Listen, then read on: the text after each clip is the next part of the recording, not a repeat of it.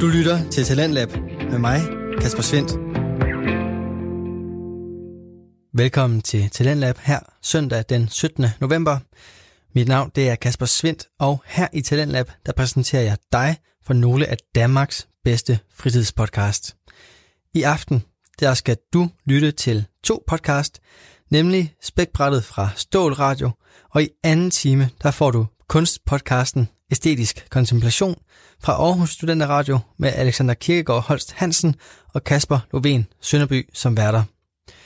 Hvis du har en fritidspodcast og har lyst til at dele den med alle Talentlabs lyttere, så kan du sende den ind her til programmet ved at gå ind på hjemmesiden radio4.dk og udfylde en formular, hvor du kan vedlægge et afsnit eller en smagsprøve på din fritidspodcast.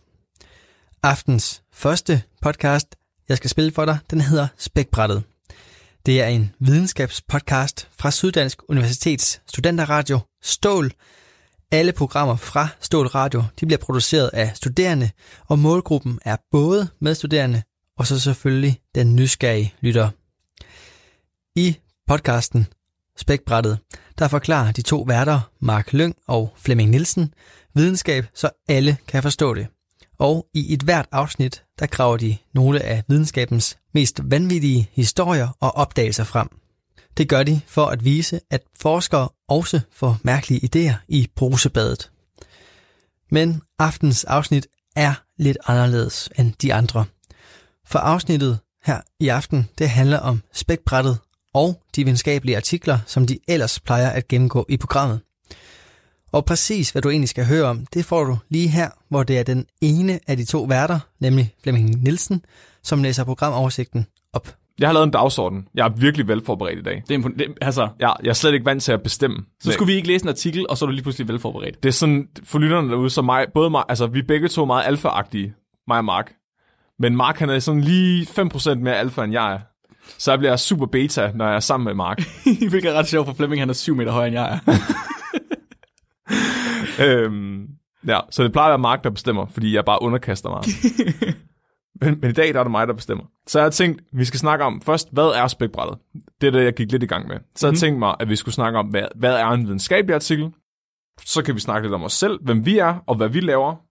Og måske noget om øh, den forskningsgruppe, som vi er en del af. Mhm. Så folk ligesom forstår, hvad vores baggrund er. ja. Så først og fremmest, hvad er Spækbrættet? Spækbrættet er en videnskabspodcast, hvor vi forklarer videnskab, så alle kan forstå det. Mm-hmm. Formatet af podcasten er, at mig og Mark vi forbereder os på en videnskabelig artikel hver, og så fremlægger vi dem for hinanden. Mm-hmm.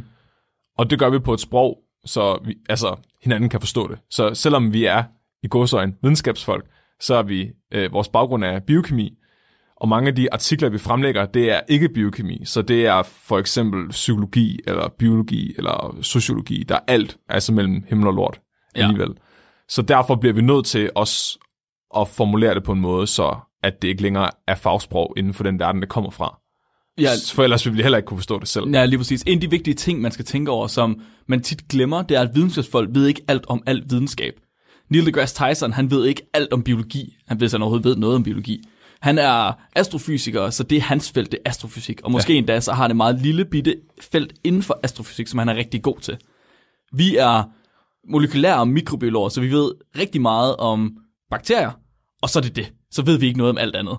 Det er det, vi kan. Jeg, ja. ved, nu, jeg ved en lille smule om pingviner nu, fordi jeg læste en artikel om pingviner engang. Det er cirka det, jeg ved om, øh, om andet videnskab. Og jeg ved for eksempel, at hvis du skal slå nogen i hovedet med en øl, så skal du sørge for, at det er en tom ølflaske, fordi den går ikke lige så nemt i stykker som en fyldt ølflaske. Og, det er også, og på den måde, så bliver vi alle sammen klogere, når det er, at vi lytter til spækbrættet. Men der er alligevel en rød tråd i det her. Så ja. selvom at vi ikke er eksperter i alle de her felter, som vi sidder og snakker om nødvendigvis, så kan vi stadigvæk øh, forstå dem bedre end folk, der ikke har den baggrund, vi har. Fordi de er alle sammen opbygget på mere eller mindre samme måde. Mm-hmm. Så måden forskning virker på, og det vidste jeg ikke før jeg læste på universitetet, det er, at øh, du går ud, undersøger et eller andet, så skriver du ned, hvordan du har gjort, og hvad du har fundet ud af. Det offentliggør du så i en artikel. Den artikel, den bliver ikke udgivet før, at der er andre forskere, der har kigget på den. Og det er det, der hedder peer review. Det betyder, at andre forskere reviewer den artikel, du har skrevet, og så siger de og vurderer, om den er god nok.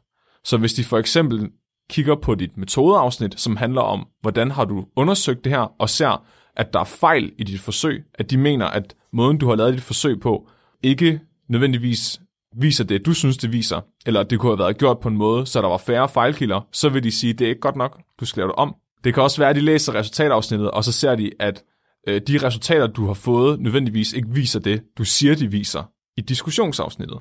Så tænk på, om vi skulle gå igennem, hvordan de her artikler de er opbygget. Det synes jeg er en super god idé. Ja. Jeg tænker, du har et eksempel, i og med, at du er bossen.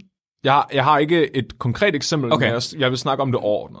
Okay. Ja, så en videnskabelig artikel, som vi snakker om, er sådan en, der bliver sendt ind til review, og den bliver udgivet i en videnskabelig journal, som er relevant for artiklen. Mm-hmm. De her artikler, de har tit en meget, meget lang og kringlet titel, Mm-hmm. som så vidt muligt øh, forklarer, hvad artiklen den handler om. Og det er virkelig vigtigt, at de her titler, de er specifikke, fordi det er titlerne folk, de, eller videnskabsfolk, de sorterer artiklerne ud fra. Det vil sige, at hvis nu man bare skriver, at man har skrevet noget om, hvad skal vi sige, jeg har fundet ud af, at træer er grønne. Det er ikke godt nok. Det er ikke øh, specifikt nok. I stedet for, så skal man skrive, hvilken form for træ er det, hvilken form for grøn er det, og hvordan har du fået det ud af det. Det er i virkeligheden, som man gerne vil have titlerne til at være. Ja. Fordi så er man sikker på, at man kommer til at læse om det rigtige træ, den rigtige form for grøn, og den rigtige måde, du har gjort det på. Ja, og det, er jo, og det er jo igen for, at andre forskere, de kan finde den her artikel, og med det samme ved, om den er værd at bruge deres tid på, om den er relevant for det, de laver. Det er lidt ligesom øh, website-optimisering, hvor man skal, det der SEO, kender du det? SEO. Nej, det kender jeg ikke. Search Engine Optimization. Sådan, når du laver en hjemmeside, så skal du sørge for, at du har så mange keywords på så mange af dine sider som muligt, for at du kan finde det inde i Google så nemt som muligt. What? Ja, ja, ja. det er sådan noget, folk de betaler kassen for at få folk til at hjælpe med Search Engine Optimization, fordi det er åbenbart mega svært. Jeg ved ikke, hvordan man gør det. Nej. Jeg ved bare en lille smule om det. Men det, det er næsten det samme, det her. Jeg finder lige et eksempel på øh, en artikel. Ja, så hvis titlen ikke er nok for de her forskere, så kan de også læse et abstract. Så abstractet det er ligesom sådan en kort opsummering af, hvorfor artiklen er skrevet, hvad for et forsøg er blevet lavet for at finde ud af det, og hvad de fundet af Mm-hmm. på sådan 150 år, Ja. 500 år. Og hvis de så, forskerne så stadigvæk vurderer, at den her artikel er relevant for det, de laver, så læser de resten af artiklen. Ja. Og det her det er ligesom en måde at sørge for, at den ligesom kollektive videnspulje for menneskeheden, den hele tiden vokser, og at der ikke er nogen, der sidder og forsker i det samme. Mm-hmm. Så hvis, at der, hvis du gerne vil vide et eller andet om, altså, hvordan hunde fungerer, så er det jo meget smart, at du ikke begynder helt fra bunden, men at du starter der, hvor videnskaben er nået til. Ja. Og det ved man kun ved at læse de andre artikler, der er udgivet af andre forskere. Og det er noget, der er basically gratis, right? Altså det bliver udgivet, og så bliver det bare offentliggjort. Alt det her viden. Så det er ikke sådan, at folk, de, altså, Ej, nej, nej, nej, nej, nej, nej, nej, nej, nej, nej. Det er sådan, for, sådan foregår det ikke. Nej, nej, det her, det er en forfærdelig verden at komme ind i. Det er virkelig, der er masser af penge, der er involveret i det her. Så når man får, først og fremmest, når man udgiver en artikel, mm-hmm. så koster det penge. Det kan koste op til 20.000 kroner, eller for- mere endnu, Ja. 30.000 nogle gange. Og simpelthen bare få udgivet artiklen. Du har skrevet en artikel om din forskning, så kontakter du et forlag, og så siger du, vil I udgive den her?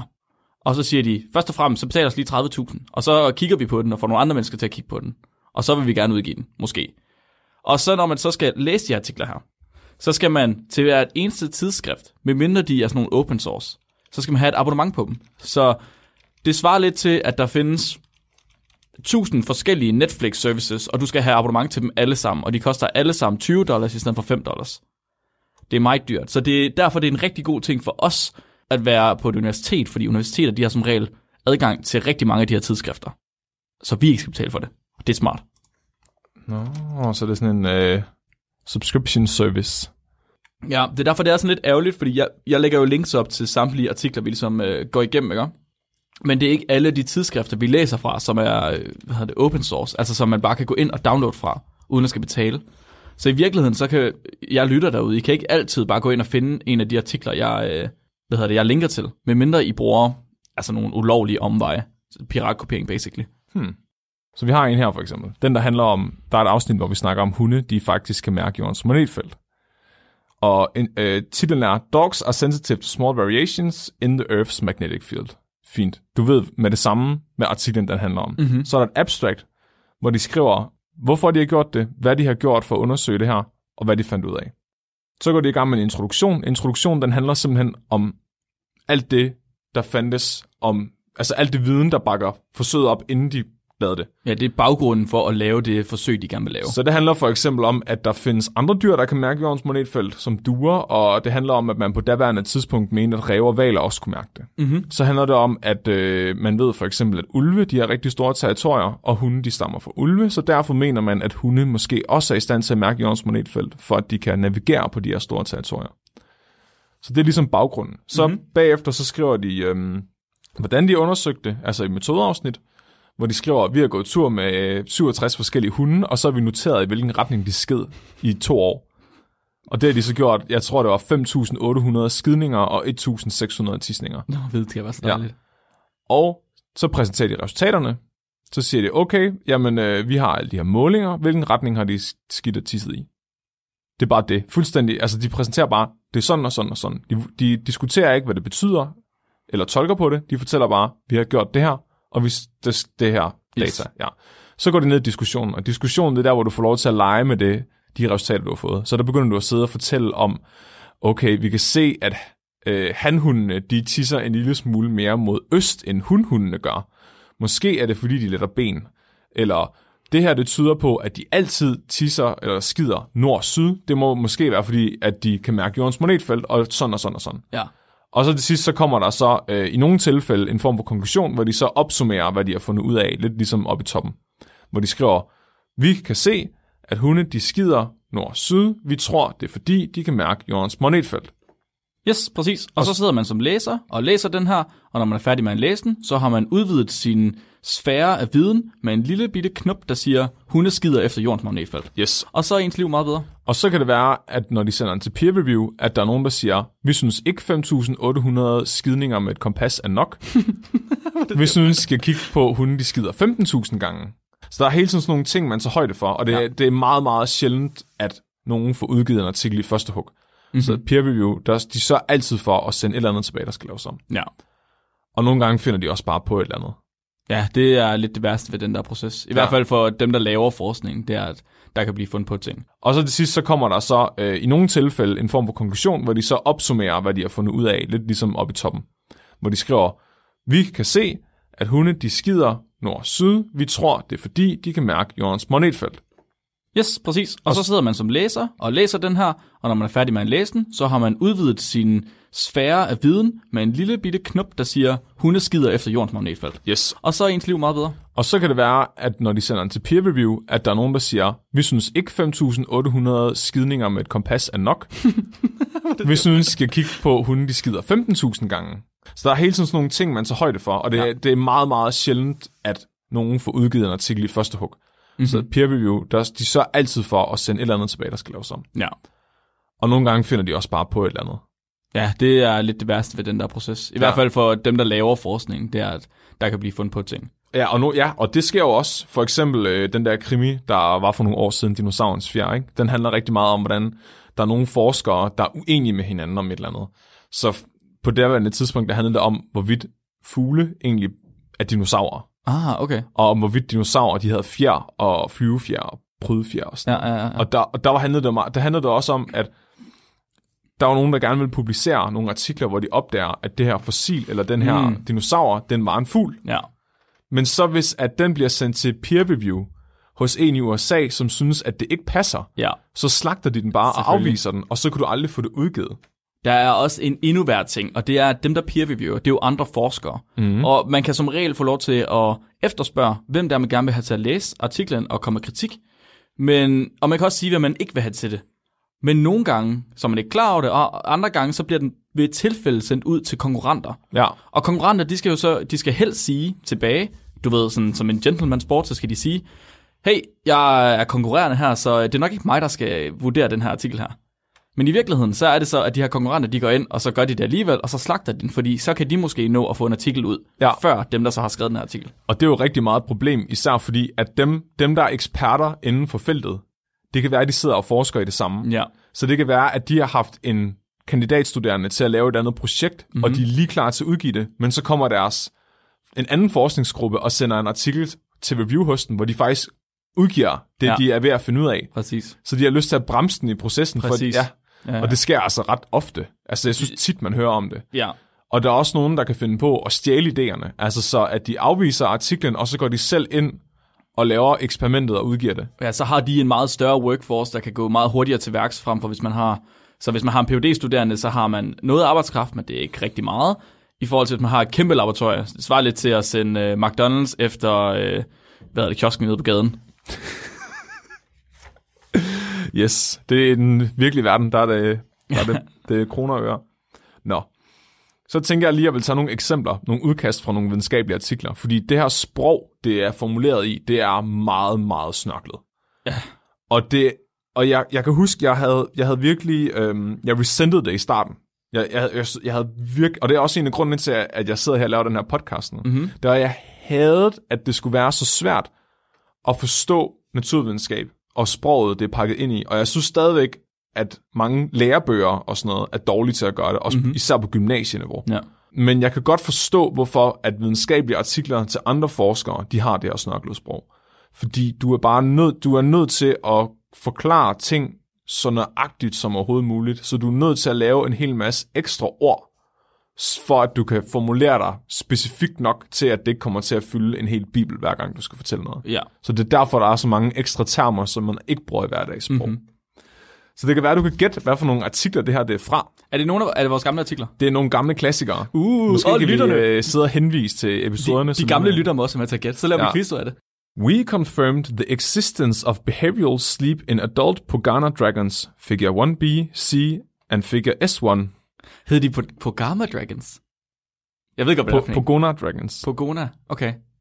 Behavioral sleep features were highly consistent across individual lizards at night, figure 1c, and the transition between awake and behavioral sleep states usually anticipated the programmed transition from light to dark. Oh god, prøv at, jeg, jeg, jeg, læser selv de her til hverdag, ikke? Ja. Og øh, hele, det er det, jeg bruger allermest af min tid på det at læse her, både til spækbrættet og på mit arbejde, som er på universitetet. Mm-hmm. Men øh, når jeg hører det blive læst op, altså jeg, jeg, jeg får nærmest hovedpine af det. Jeg, for, jeg forstår ikke noget af det. Nej, Det er simpelthen så det, åndssvagt. og det er slemt. Altså, men jeg, jeg, jeg synes, at det er blevet nemmere nu, men det er også, fordi vi har læst mange artikler. Men jeg kan godt læse det, Ja. men jeg kan ikke høre det. Nej, Hvis folk de fortæller, hvis folk de siger det der, jeg forstår ikke, hvad de siger. men det er heller ikke lavet til, altså man kan sige, det er jo ikke skrevet til at blive læst højt. Det, det er rigtigt. Det så er det, det, det, du Oh, har allerede jeg gætte? gættet. Må jeg gætte? Okay, ja. for lytterne skal også lade mig til gætte. Så er jeg klar til at gætte? Gæt med mig.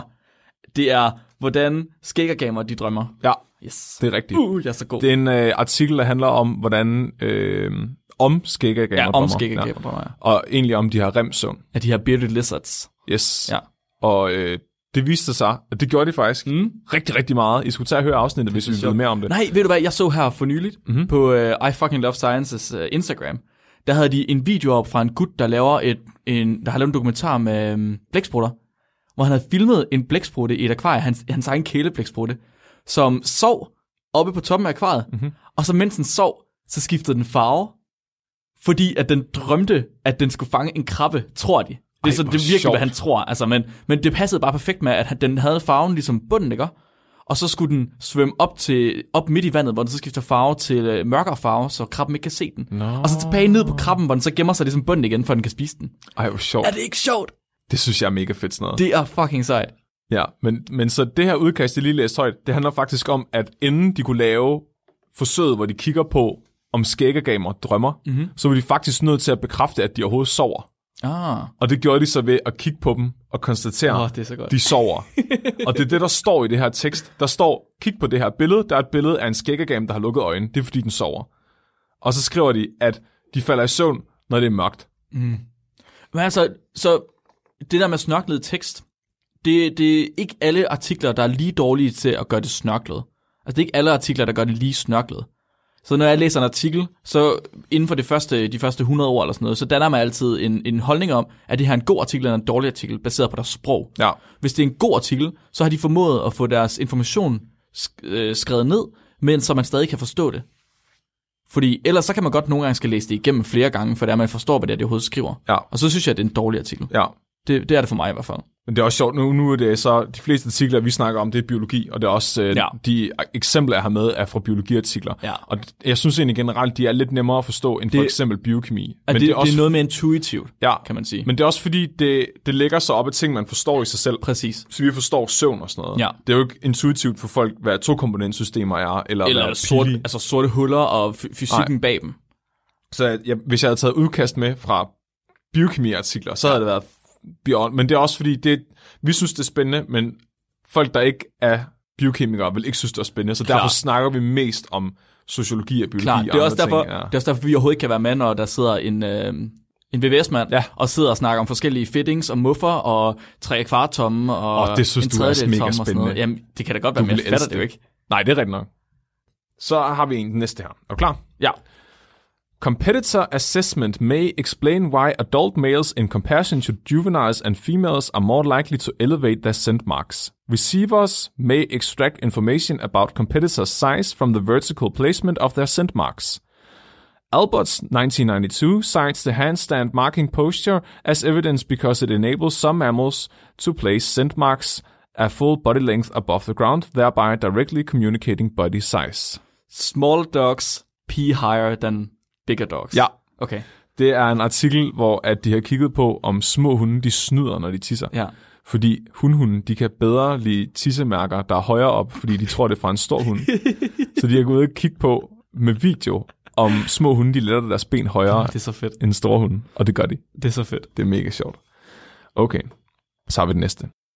To the best of our knowledge, the physical origin of these observations remain elusive in the literature. Here we suggest the possible, possible physical origins with elementary tools of thermodynamics and fracture mechanics. Recently, many biological material fractures have been highlighted. These fractures allow plants and fungi to disperse their seeds and spores respectively, or, coral, or corals to colonize new territories by their own fragmentation. Mammals do usually not need fracture for moving. They can use instead their legs as springs and form single projectiles with their whole body. Okay, der var så få keywords til den der. Ja. Så jeg prøver at sidde og pille keywords ud, som jeg kan fange, som mm-hmm. jeg kan bruge til noget, men der var noget med at hoppe til allersidst. Mm-hmm. Så det er noget med... Så det, der, det, der stod Er i det- lægmandstermer, det er, at nogle planter, de kan springe i luften, eller deres frø kan springe i luften, Ja, øh, og, og fracture for Ja. at sprede sig. ja. Men det gør dyr ikke. Dyr, de springer ikke i luften, når de flytter sig. De hopper. Er, hvad? Er, okay. Hvad handler, handler den om, om æderkopper? Nej, Nå, så den, ved jeg det ikke. Den, det er den, der handler om popcorn. Er det rigtigt? Ja. Er det popcorn endosperm? Ja, Nej. Wow, det er en af vores helt rigtig væk. gamle afsnit, ja. Popcorn endosperm. Åh, oh, okay, den var langt, langt væk fra mig. Okay, den sidste, den er, den er også ret svær. De bliver sværere og sværere. Waxing-induced follicular stuff. Oh, sorry. Wow, jeg kan ikke engang læse det her ord. Waxing-induced follicular stuff. The pubic area is a common complication, usually secondary to infection with Staphylococcus aureus, Streptococcus pyogenes, and Pseudomonas aeruginosa. The source of infection may be normal skin flora, auto-inoculation, contamination of vaccine tools, or colonization of the individual performing the procedure. Var der mere? Nå, ja, jeg tror, jeg tror godt, jeg ved, hvad det er. Mm-hmm. Så øh, den der, den snakkede om infektioner, fordi der var bakterienavn i. Mhm, ja. Og så snakkede den om waxing. Det er den, vi har snakket om, hvor man har puttet øh, hu- hvad er det, fiskehud på, øh, på brændsår. Den handler, det er en af vores allerførste afsnit, den handler om øh, fare for infektioner, når du laver bikini-waxing. Er det rigtigt? Ja, med pubesområdet. Øh. Og så handler det om, at ens egne bakterier kan komme ned i huden og lave Ej, er det rigtigt? Ja. Hold kæft, mand. Det er det der auto-infection. Jeg kan ikke engang selv finde ud af det. Nej. Jeg lægger de her øh, numre på øh, artikler, eller på vores afsnit, hvor vi har de her artikler med, dem lægger jeg op i, øh, i beskrivelsen Ja. på afsnittet, og Yes. også på Facebook og sådan Det er noget. skide godt. Ja. Okay. Så det var lidt om, hvad videnskabelige artikler de er. Peer review og deres opbygning. Så tænker jeg på, at vi kunne snakke lidt om, øh, hvordan forskning det fungerer ved at snakke om vores eget forskning, om hvordan det er at være i en forskningsgruppe, i hvert fald for vores vedkommende. Skal vi starte med bare at fortælle lidt om os selv måske? Hvem er vi? Hvorfor, hvorfor er vi overhovedet inde i forskning? Ja, Skal jeg starte? Det må Fordi du meget nu har gerne. du fandme snakket længe, ja, Flemming. ja. Mit navn er Mark, som jeg sagde til at starte med, og jeg er færdig uddannet som specialist i molekylær biologi. Det vil sige, at jeg nu er videnskabsmand. Eller tæt på. Du er master of science. Jeg, jeg prøver at blive videnskabsmand. Og øh, jeg kommer fra Vestjylland, det har vi drillet meget med til at starte med, og har altid haft en rimelig stor glæde for naturvidenskab. Mm-hmm. Til at starte med, der tror jeg, da jeg var helt lille og var, jeg har været en 6-8 år eller sådan noget, der, der sagde jeg ude på legepladsen, der sagde jeg, når jeg bliver stor, så skal jeg være opfinder og forsker. Jeg tror ikke, jeg vidste, hvad det betød, men det skulle jeg være. Og så, øh, så kørte det egentlig videre, og så har jeg også så har jeg gået på HTX, hvor jeg havde matematik og fysiklinjen, og så gik jeg lidt over i kemi, og prøvede at arbejde lidt med det, og så fandt jeg ud af, at man kunne blande kemi og biologi til biokemi. Uh. Så tænkte jeg, what, det er sejt. Og så fandt jeg ud af, at der var noget, der hedder DNA. Ja. Wow, what, det er mega fedt. Og at øh, der engang var nogen, der havde fået øh, høns til at gro tænder og haler, altså hugtænder og haler, så gå tilbage til deres dinosaurform, ved at ændre på deres DNA. Og jeg synes, det var det sejeste, jeg nogensinde havde hørt. Ja. Så jeg var simpelthen, det var simpelthen nødt til at finde ud af, hvordan man kunne, hvordan man kunne blive. Og så øh, med, hvad hedder det, startede jeg på uddannelsen inde på, her på SDU, og så blev jeg færdig med den her i sommer, og nu arbejder jeg så med mikrobiologi, altså bakterier og urinvejsinfektioner, mere specifikt. Ja. Mhm. Du tager nogle meget flotte blære. Ja, det gør jeg nemlig. Det er nemlig noget, jeg har øvet mig på rigtig meget, så det er en stor del af min uddannelse, det er at tegne blære, fordi at jeg er specialist i urin og, og tis. Vil du øh, øh, fortælle om dig først, inden jeg går videre med projektet, eller... Nej, du må da gerne snakke om dit projekt, så Okay, kan jeg altid... så den næste time, der skal I høre om mit projekt. Det bliver rigtig dejligt. Det er helt den mærkeligt Her, at ikke, ikke at se dig tegne en blære, når du fortæller om ja, det. den her talk, den er rigtig god. Den, øh, den har jeg øvet mig på længe, og har sagt den så mega mange gange. Så lige nu, der går vi og prøver at søge penge til en PhD. Det er det, vi rigtig gerne vil. Og PhD, det er det, man laver... Efter man har taget et speciale, og så gerne vil forske på universiteterne. Så tager man PhD. Så det er en... Jeg tror, de fleste er med på PhD'er. Jeg tror måske, det er det bagefter, der er lidt øh, forvirrende for folk. Altså, jeg så. anede ikke, hvad en PhD var for noget Nå, okay. Altså, man, man tager en PhD, det er uddannelsen til at blive forsker bagefter. I Danmark der er den lønnet, så det er i virkeligheden et job her. Så det er sådan en doktorgrad. Ja, det kan du godt kalde det, men I doktorgrad andre i lande- Danmark er bare lidt noget andet. Ja, du må kalde dig doktor i andre lande, hvis du har en PhD. Ja, men ikke i Danmark. Nej. Og så øh, efter en PhD, så tager man så, det hedder en postdoc, betyder post-PhD, right? Øh, hvor man så arbejder som forsker, og så efterhånden så kører man så lidt op i graderne og bliver tættere og tættere på at blive forsker. Og øh, i det her PhD-projekt, vi ligesom søger penge om, der, vil vi, der arbejder vi med urinvejsinfektioner. Det er i gruppen med Jakob Møller Jensen, som jeg har været i i ja, 3-4 år nu. Så blærebetændelse. Blærebetændelse, ja, lige præcis. Så øh, vi kigger meget på kateter, altså urinvejskateter, der bliver sat op i blæren. Ja, hvorfor, hvorfor vil man gerne vide noget om blærebetændelse? Så det er lige præcis fordi, at de her kateter her, som man sætter op i Ja. De, øh, de bliver sat op på mange patienter, der skal opereres, eller på gamle mennesker, der sidder på plejehjem. Det er folk, der ikke kan tisse selv, simpelthen. Ja. Folk, der har et eller andet problem. De er nødt til at skal hjælp, og det får de ved de her kateter. Men problemet med kateter, det er, at når de bliver sat op af sygeplejersker eller læger, eller når de skal tages ud og skiftes eller renses eller et eller andet, så er det bare virkelig, virkelig svært at holde dem rene. Ja. Og øh, det vi gerne vil finde ud af, det er, hvorfor er det, at de her bakterier de overhovedet kan være på de her kateter? Mm. Og ikke nok med det, når man tager så kateter ud af en blære fra et menneske, og tager et skrab af den, finder ud af, hvad er det for noget, der er i det slim, vi ligesom skraber af, så opdager man som regel, at det er mere end bare en art af bakterier. Mm. Så normalt så er det E. coli, man finder. E. coli tror jeg, de fleste de kender. Den er over det hele. Den er over det hele. Kommer fra numsen af, og den også den, man får i urinvejsinfektioner. Ja. Men ikke nok med det, så finder man altså, som regel to, tre, fire arter, nogle gange endnu flere, der er blandet sammen Ja. i sådan slim på det her kateter. Og vi forstår ikke, hvorfor det er, at de her bakterier de vil leve sammen. Fordi i virkeligheden, så burde bakterierne ville være alene for at kunne øh, altså, brede sig så meget som muligt. Ja. Men det virker til, at de laver sådan en form for by sammen med forskellige typer af Det indbyggere. er et familiekollektiv. Det er, ja, for fanden, det er et familiekollektiv. Det er, hvad, hvad hedder det? Øh, der var de røde hash i København. Og øh, Christiania. Det er, det er urinblærens Christiania. Og det folk, folk skal tænke på, det er også, at nu, vi elsker bakterier. Vi synes, bakterier Ja, er det, det det fedeste fedeste. i hele verden. Det folk normalt ikke tænker på, det er, hvor forskellige bakterier er. Altså, bakterier er lige så forskellige fra hinanden, altså nogle af dem er, som vi er fra græs. Ja. Altså, de har jo eksisteret altid, og de har udviklet sig altid. Men- og så alt andet liv kommet undervejs. Så Men de er det- mega forskellige fra hinanden. Altså, det, det, man skal virkelig... Det er så vanvittigt stor Og de forskel. er, der de er jo overalt. Ja. Også i luften. Yes. Det er sindssygt, at en, en skefuld havvand er der flere bakterier i, øh, end der er mennesker på jorden. Det er, så, det, er så, det er også derfor, det er så vanvittigt for mig, at man ikke... At man forestiller sig, at Mars er fuldstændig steril. Jeg kan ikke forestille mig det. Der findes så mange så vanvittige bakterier og mikroorganismer, der kan leve overalt, så jeg kan simpelthen ikke forestille mig det. Det er også i vores krop, ikke? Altså, der er jo et sted Mhm. med, der er i hvert fald lige så mange bakterier i vores krop, som der er vores egne celler. Det er de sidste decimater, der er. Ja. ja. det er vildt.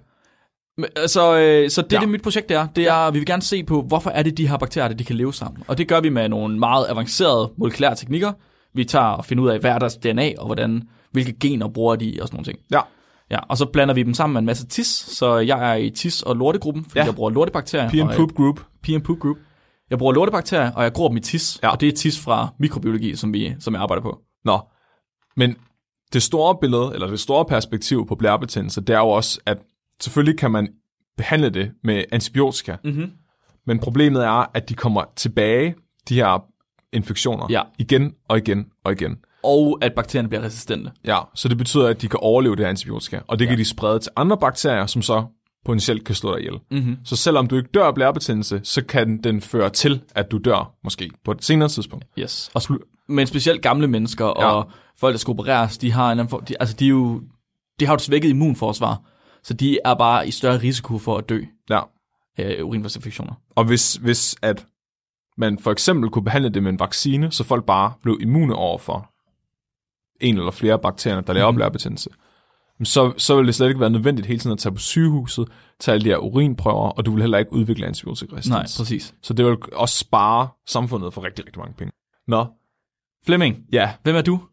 Hvem er jeg? Jamen, det er et godt spørgsmål. Jeg er fra Tåsinge, som er en lille ø, der ligger syd for Svendborg på Fyn. Sådan en øen, man kører over for at komme til Langland. Der har min familie boet lige siden den første taler sundet over. Jeg har lavet slægtsforskning, det var lidt uhyggeligt. det var sådan lidt uh, Game of Thrones-agtigt. Uh, det rigtigt? Ja. Øhm, ej, jeg vil ikke decideret indavle, men de var alle sammen fra den samme ø, stort set. Ej, der er også lidt uh, nogle andre øer i mig.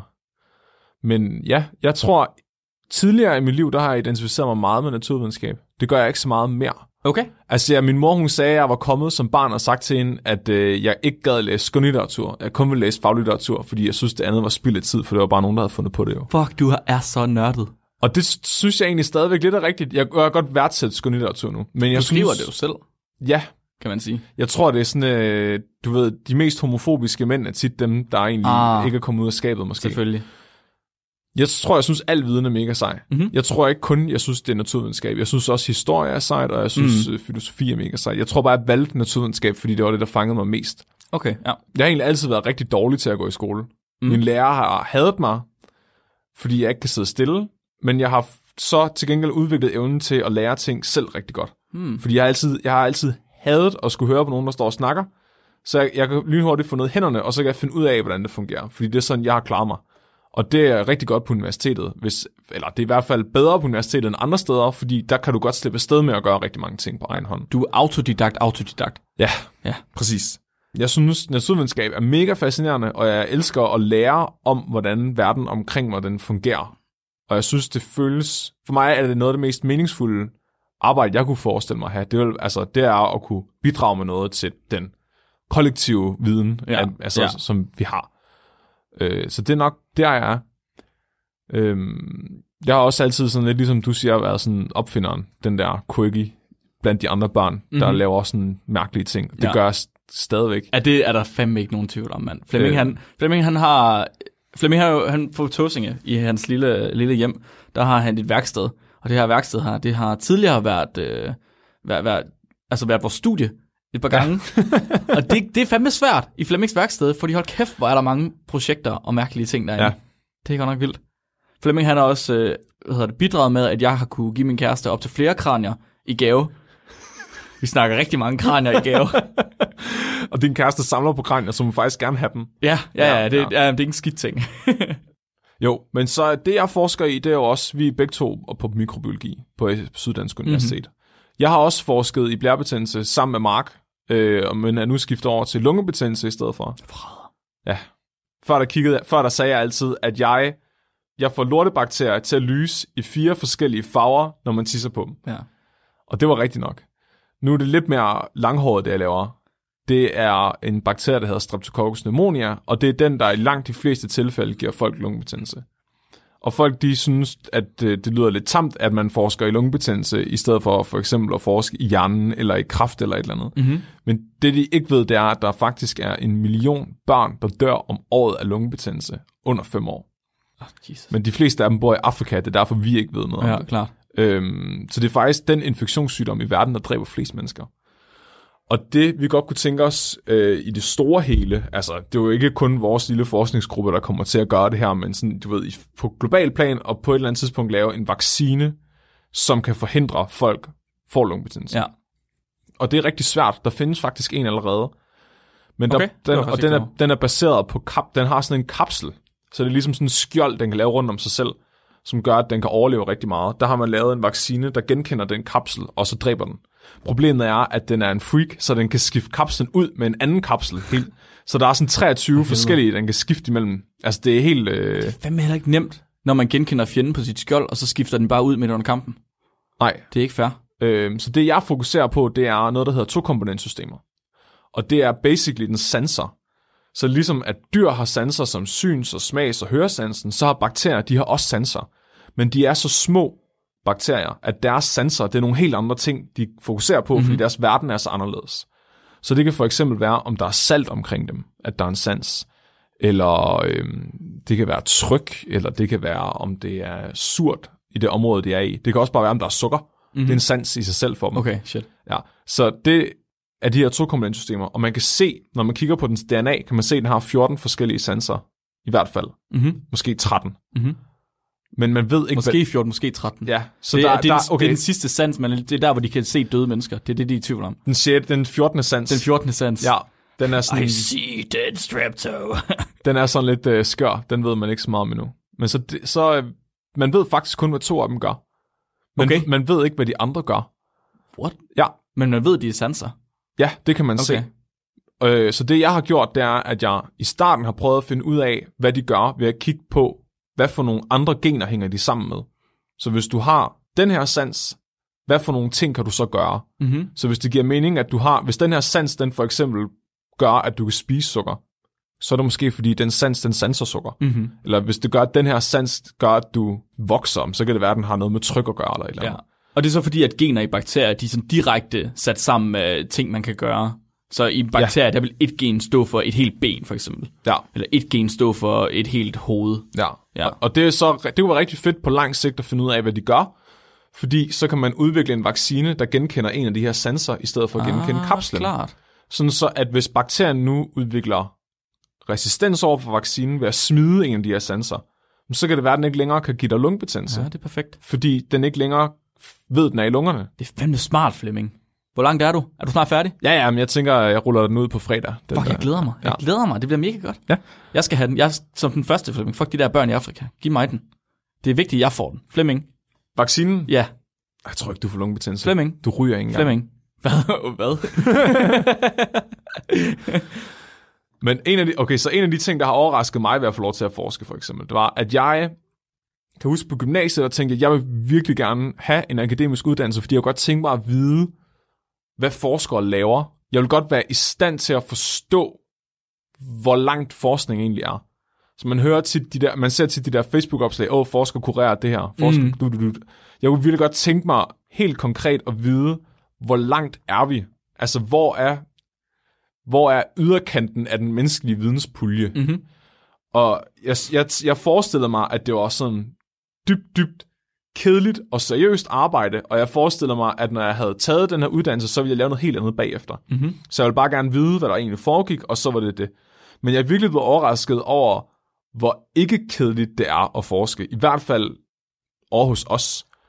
Så det er en virkelig, virkelig grineren arbejdsplads. Så jeg tænkte, altså, det er bachelorstuderende, kandidatstuderende, phd-studerende og postdocs og lektorer, helt vejen op til professorer, som går side om side og forsker sammen. Det synes jeg er mega sejt. Altså basically uden hierarki Ja. i vores tilfælde. Ja. Hvilket er ret atypisk. Det er ikke det, man ser rundt om i verden. Nej, altså jeg ved, i andre lande, der er det meget hierarkisk. Måske endda andre steder i Danmark. Ja, der, der går man ikke bare ind og snakker med en professor, bare fordi at man lige har lyst til at snakke med dem. Nej, Det kan vi her. Det er altså virkelig, virkelig fedt. og det, altså, vi står og joker nede ved kaffemaskinen, og vi drikker øl om fredagen, og det, det Ligesom, ligesom der arbejder i Stark. Ja. Det er basically den samme arbejdsplads, bortset fra, at der kommer færre sure håndværkere ind. ja, Der kommer nogen en gang imellem, men der er færre.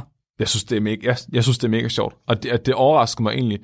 Øh, og det er også en af de ting, der motiverer mig til at fortsætte podcasten. Det er mm-hmm. egentlig, jeg vil gerne have, at, at øh, folk finder ud af, at det egentlig bare er ganske almindelige mennesker, som er virkelig gode til én ting, som fortæller rigtig meget spændende om den her ene ting, men de, men de har nødvendigvis ikke tid til at formulere det på en måde, så andre kan nå at forstå det.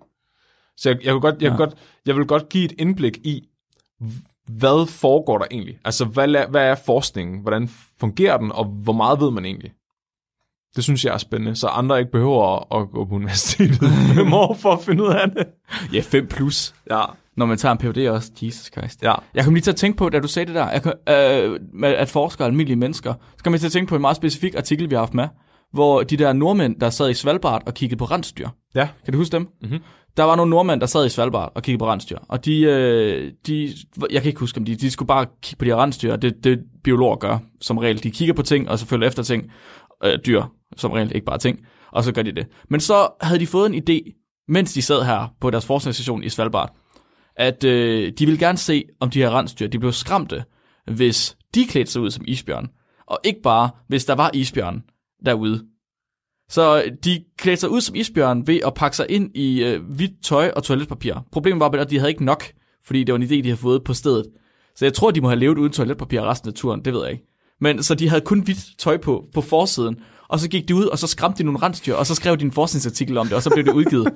jeg synes, det, det, det er simpelthen noget af det, der jeg elsker mest i forskning. Der, der er sådan en form for indforstået humor i det. Det er virkelig, virkelig fedt. Og man kan også bare, nogle gange, så er man heldig, at så kan man få en idé, bum, og så gør man noget, og så bliver det udgivet. ja. Altså, det er virkelig, virkelig fedt. Og den der indgroede humor, eller indforstået humor, den er specielt tydelig, når vi kigger på sådan noget som ikke Nobelprisen, som vi snakker rigtig meget om. Ja. De fleste af de artikler, vi har med, de har vundet noget, der hedder en ikke Nobelpris, som er det modsatte af Nobelpris, men ikke helt alligevel.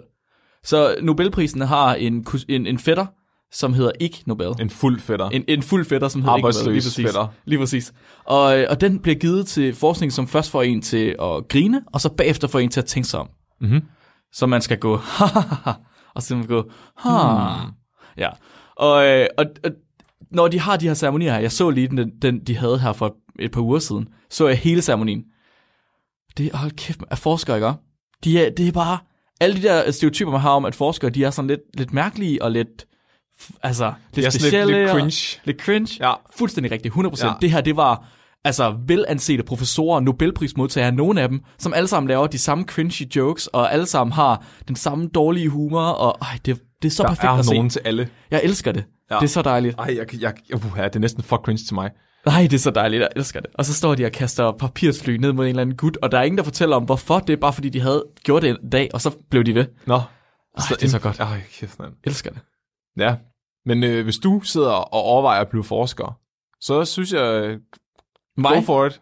Nej, lytteren. Nå, Jeg, snakker. ikke mig. jeg kiggede på dig, mens jeg sagde det, men, Okay. men åndeligt, der kiggede jeg på lytteren. Hvad hvis jeg gerne vil være forsker? Det er for sent. Nå, jo. Ej, Hvad? du er jo allerede forsker, Mark. Nå ja. Nå ja. Nå ja.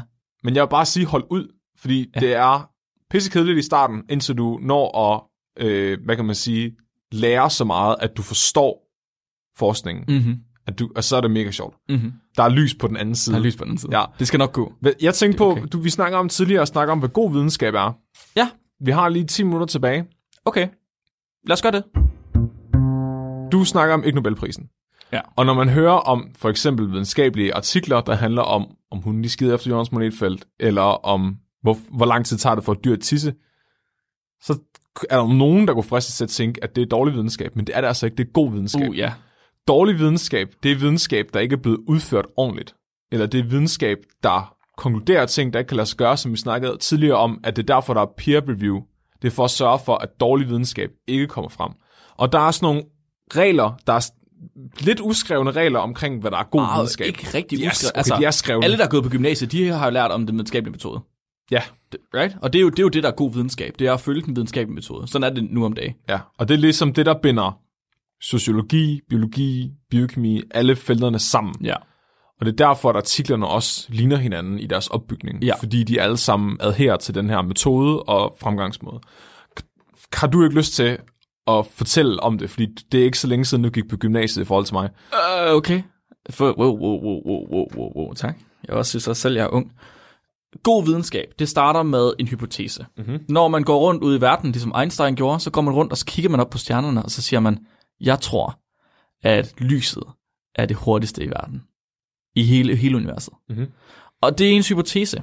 Ja. Og så er det vigtigt, at sådan en hypotese, den kan testes, og den kan afvises. Det er det aller, aller vigtigste, der er ved videnskab. Det er, at man kan afvise en hypotese. Det er det, man skal prøve på. Ja. Man skal ikke prøve at få godkendt sine egne tanker. Man skal ikke finde på noget og så sige, det her det er det eneste rigtige, så derfor så gør jeg alt, hvad jeg kan for at få det her godkendt, eller for det her, øh, altså, for at det er rigtigt. Mm.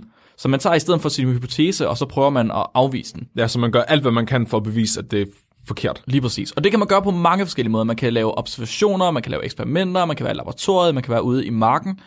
Alle mulige forskellige måder. Det kommer fuldstændig an på, hvilken forskning du laver. Du kan også bare snakke med mennesker nogle gange. Det er nok, det kommer an på, om du laver psykologi, eller om du laver Ja. fysik. Det er meget, meget forskelligt. Og så, og, og så handler det om at gøre det, og, hvad kan man sige, at stille spørgsmålet på en måde, så du kan undersøge den så nøjagtigt overhovedet, som overhovedet muligt. Det skal være mega specifikt, og det skal være til at teste og afvise eller godkende. Ja, andre skal også kunne gøre det. Ja. Og det er derfor, du skal beskrive, hvordan du har gjort i meget, meget nøjagtige detaljer. Yes, lige præcis. Vi har for eksempel haft en artikel inde på et tidspunkt, øh, som Steven han sendte ind, som handler om øh, dog rape culture. Mm. Så lige nu er der rigtig mange problemer i USA, og lidt også i Canada, på universiteterne der, med at der er rigtig meget dårlig videnskab, der bliver udgivet. Øh, især inden for gender studies mm-hmm. og social studies. Og der var så nogle akademikere, der havde sat sig ned sammen, og så havde de skrevet en hel masse forskellige fake artikler, Mm-hmm. som øh, konkluderede ting, der ligesom var gode for det agenda, universiteterne havde, som for eksempel, at mænd er voldelige, eller mænd er mere voldtægtsagtige end kvinder osv. Og så havde de faktisk med vilje lavet dem dårlige, så de havde sørget for, at for eksempel deres hypotese i introduktionen, der havde de skrevet, vi håber at bevise uh, det her. åh, nej. Ikke? Og det var jo netop definitionen på dårlig videnskab. Oh, så de havde sendt en artikel ind til Journal, Gender Studies Journal, Ja. og de skrev, vi håber at bevise det her. Men det er jo netop, de skal forstå, at vi håber at bevise, at det ikke er rigtigt. Altså indirekte. Og den var gået lige igennem. Den der dog rape culture Så sindssygt. artikel var gået lige igennem peer review, og var kommet ud i den der Gender Studies Journal. Og den var ikke bare kommet ud, den var kommet i deres 25 års jubilæumsudgave med de allerbedste artikler, de havde haft.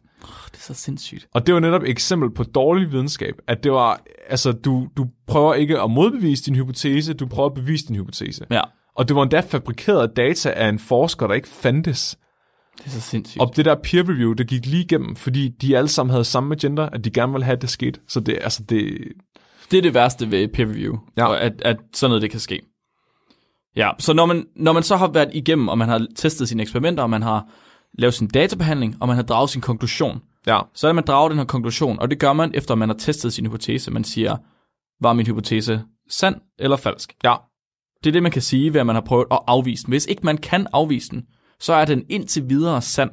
Men det betyder ikke, at der ikke kan komme andre og afvise den senere. Det var for eksempel det, der skete, da Newton han lavede øh, tyngdeloven til at starte med. Mm-hmm. Newton han øh, satte sig ned, og han skrev en masse regler om tyngdeloven ved at udvikle sit eget matematiske sprog, som I måske kender, der hedder calculus. Og så øh, var det egentlig det, vi brugte til at finde ud af, hvad tyngdekraften var i lang, lang tid, og det var ret præcist, og det virkede ret godt. Men efterhånden, så blev der prikket flere og flere huller i det, fordi der var ting, det ikke kunne forudsige. Der var ting, hvor det ikke var helt rigtigt. Men det holder stadig ved. Det er stadig en... På det tidspunkt er det så en teori, som er noget, som vi... Øh, som ikke er afvist nok endnu til, at vi kan sige, at det ikke passer længere. Det er altså noget, der er fastsat. Det passer det her. Men så var det Einstein, han kom til, og han fandt på sin egen øh, teorien om relativitet, eller relativitetsteorien, som også kom med påstanden om, hvad hedder det, om tyngdekraft, men gjorde det, så det var mere præcis end, end Newton. Den tog fat i de her fejltal, som Newton havde haft, og så korrigerede han dem. Ja. Så nu er det den nye teori om tyngdekraften, og nu bliver der så prikket huller i den. Så bliver der prikket en masse huller, indtil den er næsten er så hullet, at nu er det en si, og så er vi nødt til at finde på en ny teori. ja, så, størst, ja, så størstedelen af al viden er i godsøjen forkert. Præcis. Men det er så tæt på, som vi kan komme. Ja, og lige præcis. Ja, det er mere sandt i nogle videnskabelige grene end andre. Ja. En ting i forhold til at konkludere på dine resultater. Så det er, og det er lidt en af de udskrevne regler, synes jeg i hvert fald. Det er, at du må ikke konkludere for meget. Så hvis Mm. du beviser et eller andet, så kan du kun sige, jeg tror, den her ting er sådan, som jeg lige har vist, den er. Så hvis du nu for eksempel viser, at hunde skider efter Jørgens Monetfelt, så kan du konkludere, at hunde skider i hvert fald nord-syd.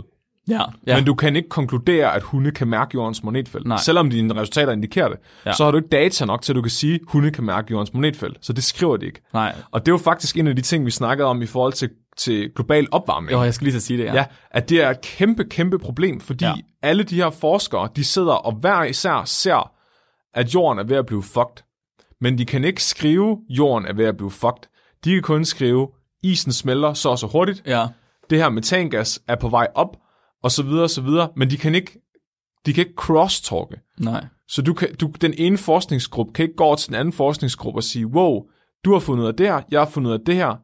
Det betyder, at hvis, is, hvis at havtemperaturerne stiger mere, så kommer min lomme af metangas op, og så kommer der endnu mere CO2 ud af atmosfæren. Ja, men det, åh, men det kan de jo så alligevel godt lidt. Altså, de kan jo godt, man kan lave review, for eksempel. Den, ja, man så- ligesom det, vi havde med i afsnittet med global opvarmning. Ja, hvor man så tager fat i al mulig forskning, og så siger, okay, vi har, vi samler information fra al forskning, og siger, hvad er det så, det virkelige billede er. Ja, og så det- er det, man, men man kan stadig ikke rigtig komme ud og så sige, øh, jorden er fucked. Nej. Det, det må man ikke inden for videnskab. Du må Det kun er- sige, "Ah, ah, den nuværende forskning indikerer, at der kan være mulighed for, at det måske er, at jorden er en lille smule fucked. Ja. Og det er selv de der klimarapporter, de, altså som politikerne sidder og kigger på, de er meget optimistiske. Ja, det er så forfærdeligt. Altså det, vi har jo haft sådan et review med, hvor de Ja. rent faktisk prøver at kigge realistisk på det, og mm-hmm. det er virkelig, virkelig, virkelig fucked. Ja. Altså de, I prøv at høre det afsnit, det er sindssygt.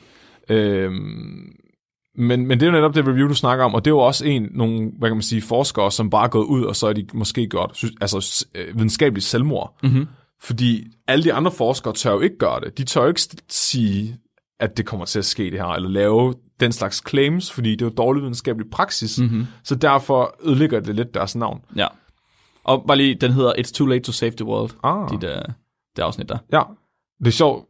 Altså, jeg har også lidt en gang imellem fået kritik for, for den her podcast. Altså sådan i forhold til, at, at der er nogle forskere, der mener, at det er en dårlig idé at formulere noget mere simpelt, end det allerede er gjort. Ja. Ja. Øh, jeg, jeg er ikke helt enig i det. Jeg ved for eksempel også en som Carl Sagan, som er sådan the godfather af, af videnskabelig... Øh, Ja, ja, kommunikation. ja, han, han, han var jo... Altså, han blev nærmest udstødt af, af den videnskabelige community, fordi at han... Øh, ikke, ikke fordi han nødvendigvis turde forklare tingene simpelt, men fordi han, han havde mange spekulationer. Så det er sådan en udskreven regel om, at du må ikke sige, jeg tror, at det er sådan og sådan. Du skal vente, så personen, der opdager det, kan få lov til at sige, det er sådan her. Flemming, Flemming det, er- det er målet. Det er håbet for os. Hvad er Det er at håbet? blive udstødt af det videnskabelige forsamling. vi skal udstødes. Vi skal være martyrer. Ja. Ej, det tror jeg ikke, vi bliver. Ikke i Jo. Danmark. Jeg tror, at Danmark er ikke så slemt. Nå, så, så resten af verden. Det er fint med mig. Jeg må, jeg må godt udstødes resten af verden. Det er helt okay. Ja. Vi skal udstødes. Så har vi, så har vi klaret det. Jamen, jeg tænker egentlig, at det vi gør, det er ikke, at vi prøver at forklare nogle meget, meget avancerede koncepter på en nem måde. Jeg synes mere, at vi, øh, vi viser nogle sjove ting Ja. frem. Ja. Så vi prøver ikke at lære jer kalkulus. Nej. Vi prøver ikke at lære jer om sorte huller. Vi prøver bare at sige, prøv lige se her. Det vil, ja, fordi vi kan ikke rigtig lære jer om det, for vi ved ikke rigtig noget om det selv. Nej. Vi gør det nogle gange med ting, som er lidt nødvendige at vide. For eksempel noget statistik, ja. Som vi bruger rigtig meget, og som man skal vide en lille smule. Men ikke, ikke mere, end at man bare kan lytte hen over det, så stadig forstå det, man siger. Nej. Jeg føler mere, at vi viser folk sjove ting, Ja, øh, som, som de ikke ville normalt kunne have fundet, Enig. øh, fordi det bare er pakket ind i så mange fortermer. Ja. Ej, det var, det var virkelig godt. Jeg er virkelig glad. Jeg er sådan helt, jeg har sådan helt lettet nu. Ja, Det var rart at få fortalt sin historie. sådan i terapi. Ja, Ja, det var rigtig godt. vi minder, vi, vi har egentlig også meget sådan en lignende baggrund, os to. Altså, jeg føler, at vi, øh, vi minder meget om, på mange punkter minder vi meget om hinanden i vores fremgangsmåde. Det du, tror jeg, du har ret i, ja. Du er også sådan meget håndværkeragtig omkring videnskab. Det synes jeg er virkelig sjovt. Altså, sådan, det var en af de ting, jeg lagde mærke til lige med det samme. Det var, når hvis jeg skulle have hjælp til et eller andet laboratoriet, Mhm. Og jeg gik ind og spurgte nogen, så ville jeg altid få sådan en eller anden meget lang, indviklet forklaring om et eller andet, men en hel masse ord, jeg ikke forstod, så var jeg nødt til at sige, ja, ja, okay, så går jeg ind, og så har jeg ikke forstået noget. Hvis man gik ind på Marks kontor, så er det bare sådan, du tager den der dingeling, og så giver du bare lige et gok, og så sætter du strøm til den. Og så, tak. Hvorfor var der ikke nogen, der kunne sige det? Det er jo det, man gør. Ja, Det er jo det, man gør. Det, det er jo... Jeg, åh, ja, ja, ja, ja, ja, ja, ja, ja. Ja, tak Flemming. Jamen, det... Tak, Flemming. Jeg synes også, du er god til at gøre det samme. Tak. du... Men jeg synes også, spækbrættet har gjort os gode til det samme. Ja. Vi er blevet bedre til det. Flemming, er vi klar til dagens dyrefakt? Ja. Er du klar til dagens dyrefakt? Flemming, vidste du godt, at elefantunger, de sutter på deres snabler for at berolige sig selv? Åh. Ligesom børn og tommelfingre. Jeg havde også nuttet på min egen snabel, hvis jeg kunne nå den. Mit navn det er Mark, Mit navn er Flemming. og du har lyttet til spækbrættet. Tak for- at være dumme. Tak for i dag.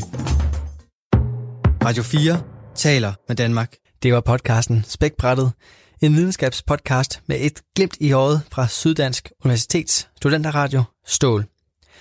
Værterne bag podcasten, de hedder Mark Lyng og Flemming Nielsen, og afsnittet, du hørte her, det handlede om selve podcasten Spækbrættet og omkring de videnskabelige artikler, som de plejer at gennemgå i programmet.